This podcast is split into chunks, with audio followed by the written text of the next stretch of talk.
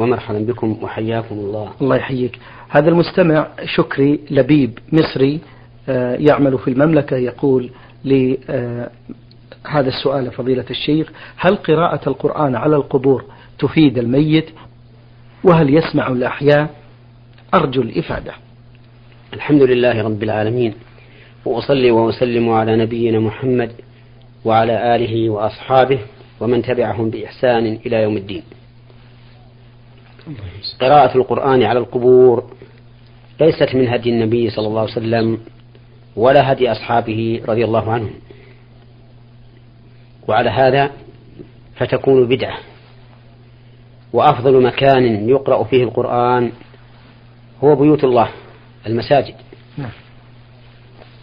كما قال النبي عليه الصلاة والسلام ما اجتمع قوم في بيت من بيوت, من بيوت الله يتلون كتاب الله ويتدارسونه بينهم إلا نزلت عليهم السكينة وغشتهم الرحمة وحفتهم الملائكة وذكرهم الله في من, ك... في من عنده. وأما القراءة على القبور فليست من السنة بل هي من البدعة. وأما كونها تنفع الميت فإنها لا تنفع الميت. لأن البدعة لا تنفع صاحبها ولا غيره. ولكن ولكن العلماء اختلفوا فيما لو قرأ القارئ قرآنا على غير وجه البدعة ونوى أن يكون ثوابه لشخص معين. نعم. هل يصل إليه هذا الثواب أو لا يصل؟ فقال بعض أهل العلم إن الأصل في العبادات التوقيف وأنه لا يصل إلى الميت إلا ما دلت إلا ما دلت السنة على وصوله. كالصدقة مثلا وقضاء الصوم الواجب. وقضاء الحج الواجب. وما عدا ذلك مما لم ترد به السنة فإنه لا ينفع الميت ولا يصل إليه. واستدلوا بقول الله تعالى وأن ليس للإنسان إلا ما سعى. قالوا هذه الآية عامة بأن الإنسان ليس له إلا ما سعى إلا ما جاءت به السنة. فيكون ما جاءت به السنة مخصصا لهذا العموم ونقتصر عليه. ولا شك أن هذا القول كما سمعت قول قوي لقوة تعليله ووضوح دليله.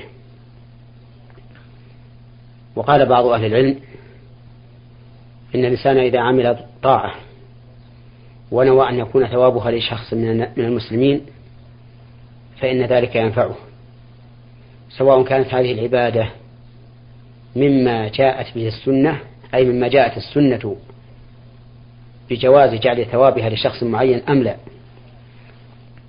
وقالوا إنما جاءت به السنة قضايا أعيان قضايا أعيان لا عموم لها ولا تمنع من أن يقاس عليها مثلها. فإذا كانت السنة جاءت بجواز إهداء ثواب الأعمال لشخص معين في أشياء معينة فغيرها مثلها.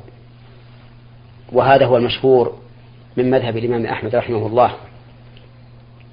وقد ذكر فقهاء الحنابلة رحمهم الله كلمة عامة في هذا فقالوا أي قربة فعلها وجعل ثوابها لميت أو حي من المسلمين نفعه ذلك. ومع هذا فإني أقول إن خيرا من هذا كله أن يدعو الإنسان للميت. فإن دعاءه للميت أفضل من الصدقة له وأفضل من الصيام له وأفضل من العمرة له وأفضل من الطواف له وأفضل من أي عمل صالح يجعله للميت.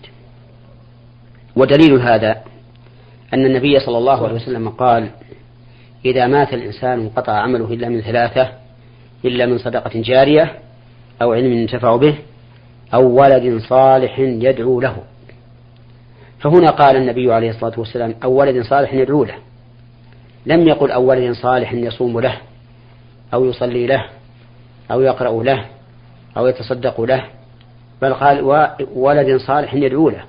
فعدل عن ذكر الأعمال إلى الدعاء مع أن السياق سياق الحديث في ذكر الأعمال. فعدوله عن ذكر الأعمال مع أنه مقتضى السياق يدل على أن الدعاء أفضل من جعل الثواب جعل ثواب الأعمال للميت. وعلى هذا فإني أنصح إخواني أن يجعلوا الأعمال الصالحة لأنفسهم لأنهم هم محتاجون إلى هذه الأعمال. وأن وأن يتفضلوا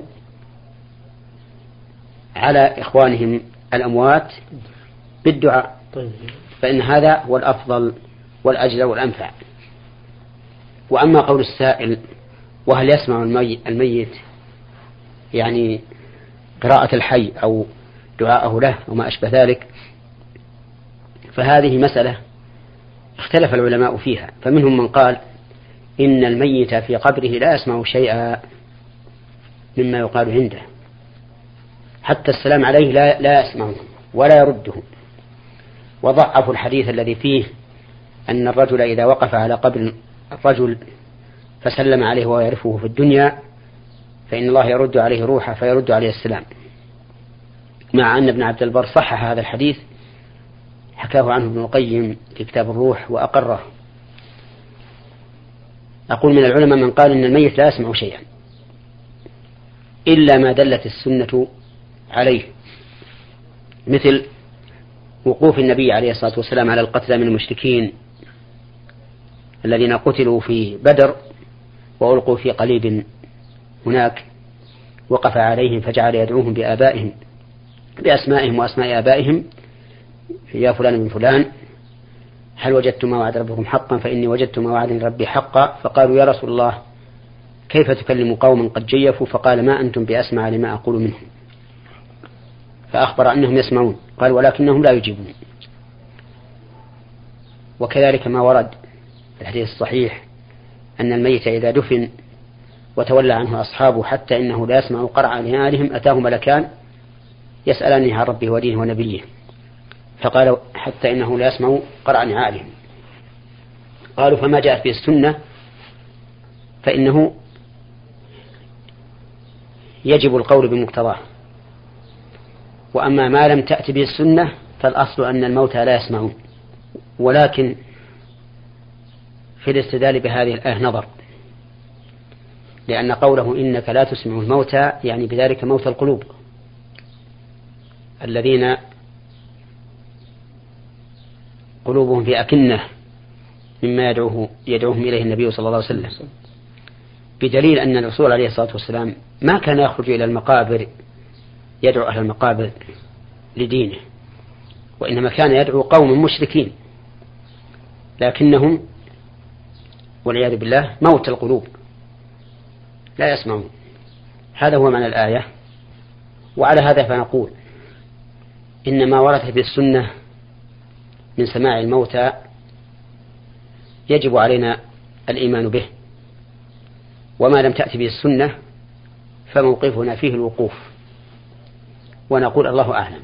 ولكن الدعاء للميت هو الذي شرعه النبي عليه الصلاة والسلام في قوله أو ولد صالح يدعو له وكذلك قول المؤمنين الذين جاءوا من بعد الصحابة يقولون ربنا اغفر لنا ولإخواننا الذين سبقونا بالإيمان ولا تجعل في قلوبنا غلا للذين آمنوا ربنا إنك رؤوف رحيم فهذا هو المشروع في حق الأموات أن ندعو الله لهم بالمغفرة والرحمة وما ينفعهم من الدعاء. بارك الله فيكم. المستمع محمد الطيب السوداني يقول آه، أرجو تفسير هذه الآية الكريمة ولا تشتروا بآياتي ثمنا قليلا. نعم. معنى الآية الكريمة أن من الناس الذين أعطاهم الله العلم بآياته من يشتري ثمنا قليلا بهذه الآيات.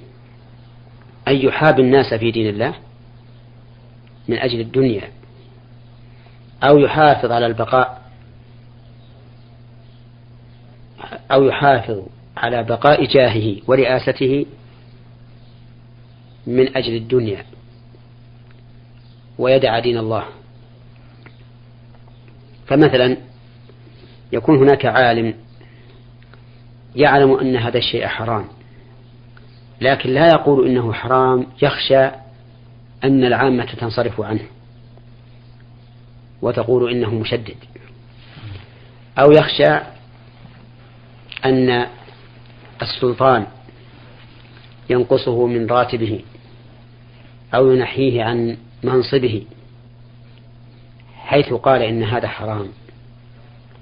فيذهب ويقول إنه حلال ليشتري به ثمنا قليلا وهو الجاه عند العامة أو البقاء في المنصب عند السلطان. المهم أن الآية معناها العام أن من الناس من يدع دين الله لشيء من أمور الدنيا. نعم. بارك الله فيكم. سؤاله الثاني يقول كيف تكون زكاة مزرعة الدواجن؟ أفيدونا وفقكم الله. آه، مزرعة الدواجن ليس فيها زكاة إلا إذا كانت ذات ثمار تجب فيها الزكاة. فإذا قدرنا أن هذا الرجل عنده مزرعة فيها برسيم وعلف يعلف به الدواجن فلا شيء عليه فيها. أما إذا كانت المزرعة تغل حبوبا وثمارا ففيها الزكاة في حبوبها وثمارها وهي نصف العشر إن كانت تسقى بمؤونة والعشر كاملا إن كانت تسقى بلا مؤونة. أما بالنسبة للدواجن فالدواجن يكون اتخاذها على وجهين. الوجه الأول أن يكون اتخاذها تجارة يبيع ويشتري فيها. يبيع هذا الداجن اليوم ويشتري بدله يبيعه ويشتري بدله كتاجر فيها. نعم. ففيها الزكاة في قيمتها. تقدر كل سنة بما تساوي حين وجوب الزكاة ويخرج من قيمتها ربع العشر. أما إذا كانت الدواجن للتنمية والاستيلاد وكانت تعلف من هذه المزرعة الحول أو أكثر الحول فإنه لا زكاة فيها. لأن الزكاة إنما تكون في السائمة. وهي التي ترعى مما أنبته الله عز وجل الحول أو أكثر الحول. نعم. بارك الله فيكم. المستمع حاء عين عين جدة العمارية يقول في هذا السؤال فضيلة الشيخ ما حكم من أنفق بضاعته باليمين الكاذبة؟ وجهونا جزاكم الله خير الجزاء. من أنفق سلعته بالحلف الكاذب أي طلب نفاقها ورغبة الناس فيها أو زيادة ثمنها بالحلف الكاذب فإنه متوعد بالوعيد الشديد. أن الله لا ينظر إليه يوم القيامة ولا يزكيه وله عذاب أليم. مرتكب لكبيرة من كبائر الذنوب. فعليه أن يتوب إلى الله مما صنع وأن لا يعود لذلك وأن يعلم أن رزق الله لا يستجب, لا يستجلب بالمعاصي. فإنه لن تموت نفس حتى تستكمل رزقها وأجلها. فليتق الله وليجمل في الطلب. وليعلم أن الوسيلة المحرمة لجلب الرزق تنزع بركة الرزق وتوقع صاحبها في الإثم ويكون ما يأكله من أرباحها سحتا وما نبت من السحت حري أن تكون النار أولى به. وليعلم أن الرزق القليل الحلال الطيب خير من الكثير الخبيث. الحرام.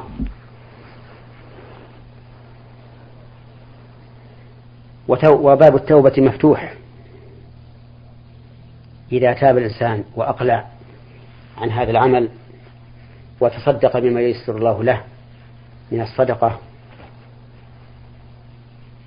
فلعل الله أن يتوب عليه ويهديه صراطا مستقيما. بارك الله فيكم. يقول ما حكم من قرأ القرآن ولم يرتله لعدم قدرته على الترتيل أفيدونا بهذا مأجورين؟ نعم. ترتيل القرآن على وجهين. نعم. الوجه الأول ما يكون به بيان الحروف وإظهارها بحيث لا يسقط شيئا من الحروف. فهذا واجب. ولا يجوز للإنسان أن يقرأ القرآن على وجه يسقط فيه الحروف. كما يفعله بعض الناس من السرعة العظيمة التي يخفى فيها تخفى فيها الواو أحيانا أو الفاء أحيانا أو اللام أحيانا أو أي حرف من الحروف. لأنه إذا إذا تلاه على هذا الوجه فقد تلاه على غير ما أنزل. فيخشى أن يكون ممن يلوون ألسنتهم بالكتاب. أما الثاني فهو الترتيل الذي يكون أكثر من إظهار الحروف بحيث يكون اللفظ محسنا بالتجويد أو يقف عند كل آية. فهذا الترتيل ليس بواجب ولكنه مستحب. إن فعله الإنسان فهو أكمل وأفضل وإن لم يفعله فلا حرج عليه. نعم. طيب. المستمع أحمد عمر آه، يقول عندما أصلي آه، يتساورني أو أشعر بوساوس من الشيطان مما يجعلني أتكلم في نفسي. رغم هذا فإني أتعوذ من الشيطان لكن دون فائدة. هل صلاتي مقبولة؟ أفيدونا. أفادكم الله. آه، أولا يجب أن نعلم أن الشيطان أحرص ما يكون على العبد في إضلاله عند فعل العبادات. ولا سيما الصلاة التي هي أعظم العبادات بعد الشهادتين. فإنه يحاول أن يصده عن الصلاة عن فعلها أولا ثم عن إكمالها ثانيا. فيأتي إلى الإنسان إذا دخل في صلاته يوسوس له يفتح له من أبواب الوساوس ما لم يكن يخطر على باله من قبل. أتذكر كذا أتذكر كذا أذكر كذا ثم يذكر أشياء لا حاجة له بها. ولذلك إذا سلم من صلاته طارت كل هذه الوساوس وكأنها لم تكن. علاج هذا ما أرشد إليه النبي صلى الله عليه وسلم بكونه يتفل عن يساره ثلاث مرات ويقول أعوذ بالله من الشيطان الرجيم. فإنه إذا فعل ذلك بإيمان ويقين ورجاء للنتيجة يذهب الله عنه ما يجد كما فعل الرجل الذي شكى إلى النبي صلى الله عليه وسلم هذا الأمر فأرشده النبي صلى الله عليه وسلم إلى ما سمعت قال ففعلته فأذهب الله عني ما أجد.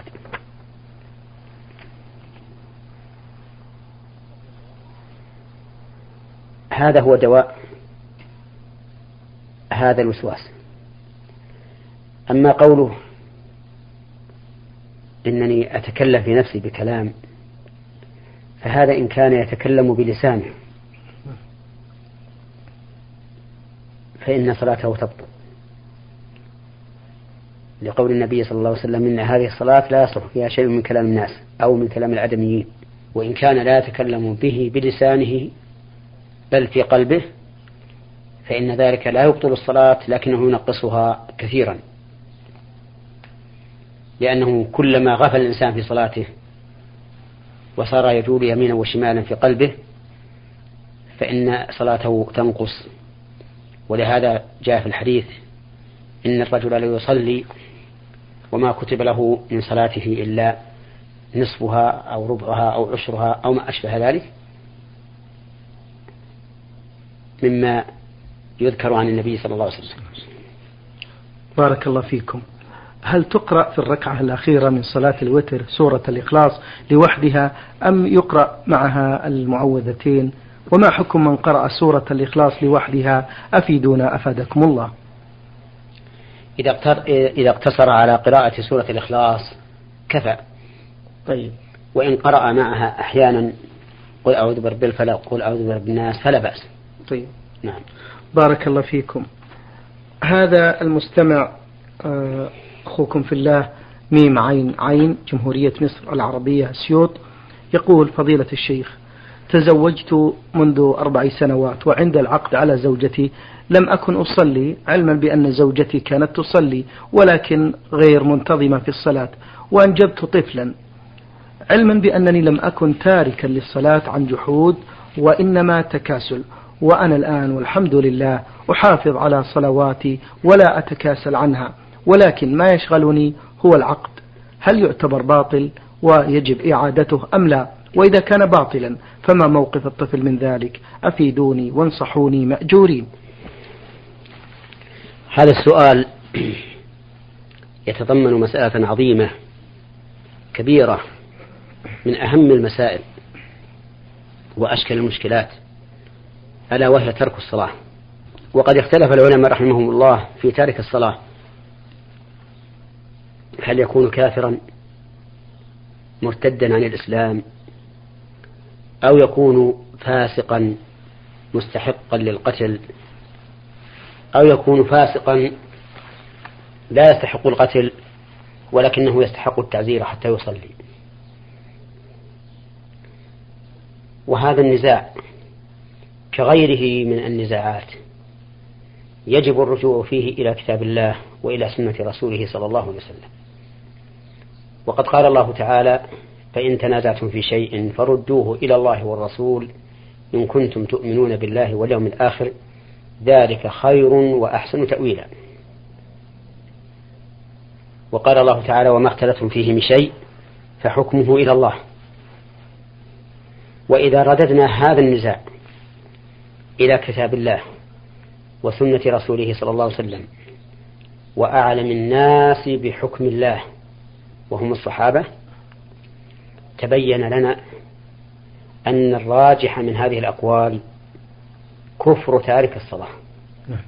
كفرا أكبر مخرجا عن الملة وأن ترك الصلاة ردة عن الإسلام. يستتاب فيه الإنسان فإن تاب وإلا قتل. كافرا. لا يغسل ولا يكفن ولا يصلى عليه ولا يدفن مع المسلمين وإنما يحفر له حفرة في أي مكان بعيد عن العمران ويرمس رمسا لأن مآله إلى النار والعياذ بالله. ولهذا لا يجوز لأهله إذا مات على ترك الصلاة ولم يتب أن يقدموه إلى المسلمين ليصلوا عليه. ولا يجوز أن يدفنوه مع المسلمين.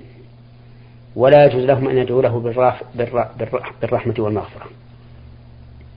هذا هو ما دلت عليه نصوص الكتاب والسنة وأقوال الصحابة.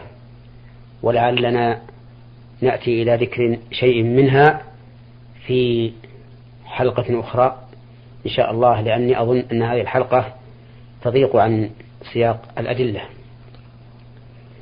وأما من حمل الأدلة الدالة على كفر تارك الصلاة على جحودها فقد أبعد النجعة. وذلك لأن النبي صلى الله عليه وسلم علق الكفر على الترك. فإذا قلنا إن الكفر معلق على الجحود فقد عدلنا عن الوصف الذي جعله الشارع مناط الحكم إلى وصف جديد لم يجعله الشارع مناط الحكم.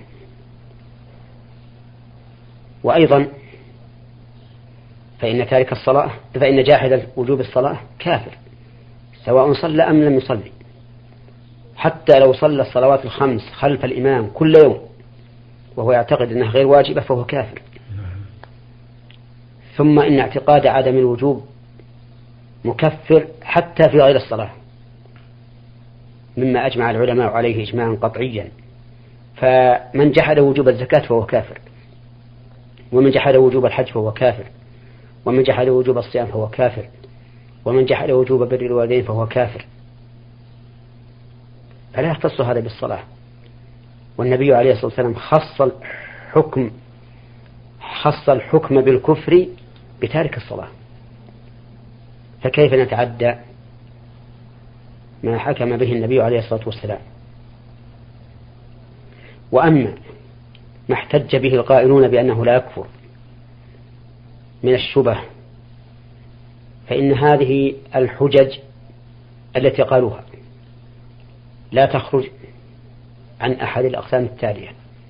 إما أنه لا حجة فيها أصلا وإما أن صاحبها معذور بعدم العلم وإما أنها أن أنها وصفت بأوصاف لا يمكن معها أن تترك.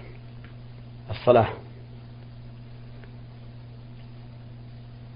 وإما أنها ضعيفة وإما أنها عامة خصصت بأحاديث كفر تارك الصلاة.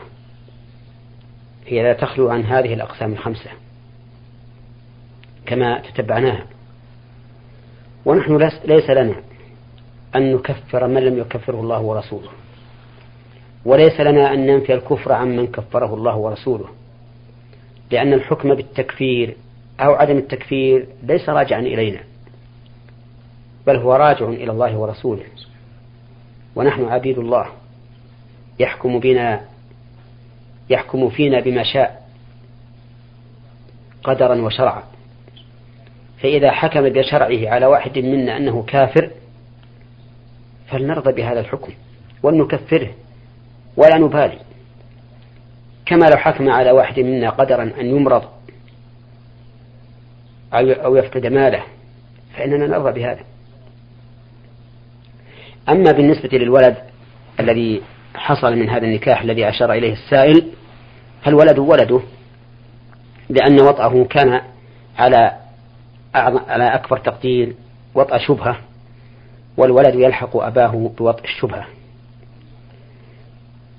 وأما توبته الآن إلى الله فهذا شيء يحمد طيب. عليه وهو من نعمة الله عليه. الحمد لله. والذي أرى له أن يعيد أن يجدد عقد النكاح. طيب. حتى تطمئن نفسه وينشرح صدره ويبارك الله له في أهله. ولكني أنبهه على مسألة وهي أنه إذا كان حين العقد يصلي ويخلي يعني لم يترك مطلقا. فإنه ليس ليس بكافر. ليس بكافر. لأن النبي صلى الله عليه وسلم قال فمن تركها قال العهد لأنه قال العهد الذي بيننا وبينهم الصلاة فمن تركها فقد كفر. وقال بين الرجل وبين الشرك والكفر ترك الصلاة. لم يقل ترك صلاة. قال ترك الصلاة. وفرق بين رجل كسول يصلي أحيانا ويدعو أحيانا ورجل كسول لا يصلي أبدا. وقد عزم على أن لا يصلي. الثاني هو الذي نرى أنه كافر. وأما الأول فليس بكافر بل هو فاسق وعليه أن يتقي الله عز وجل وأن يقوم بما فرض الله عليه إن كان من المؤمنين. إن الصلاة كانت على المؤمنين كتابا موقوتا. شكر الله لكم فضيلة الشيخ وبارك الله فيكم وفي علمكم ونفع بكم المسلمين. أيها الإخوة الأحباب كان معنا في هذا البرنامج فضيلة الشيخ محمد بن صالح بن عثيمين الأستاذ في كلية الشريعة وصول الدين في القصيم وخطيب وإمام الجامع الكبير في مدينة عنيزة. شكر الله لفضيلته. شكرا لكم أنتم إلى الملتقى إن شاء الله. والسلام عليكم ورحمة الله وبركاته. نور على الدرب. برنامج يومي يجيب فيه أصحاب الفضيلة العلماء على أسئلة المستمعين. البرنامج من تقديم وتنفيذ عبد الكريم صالح المجرن.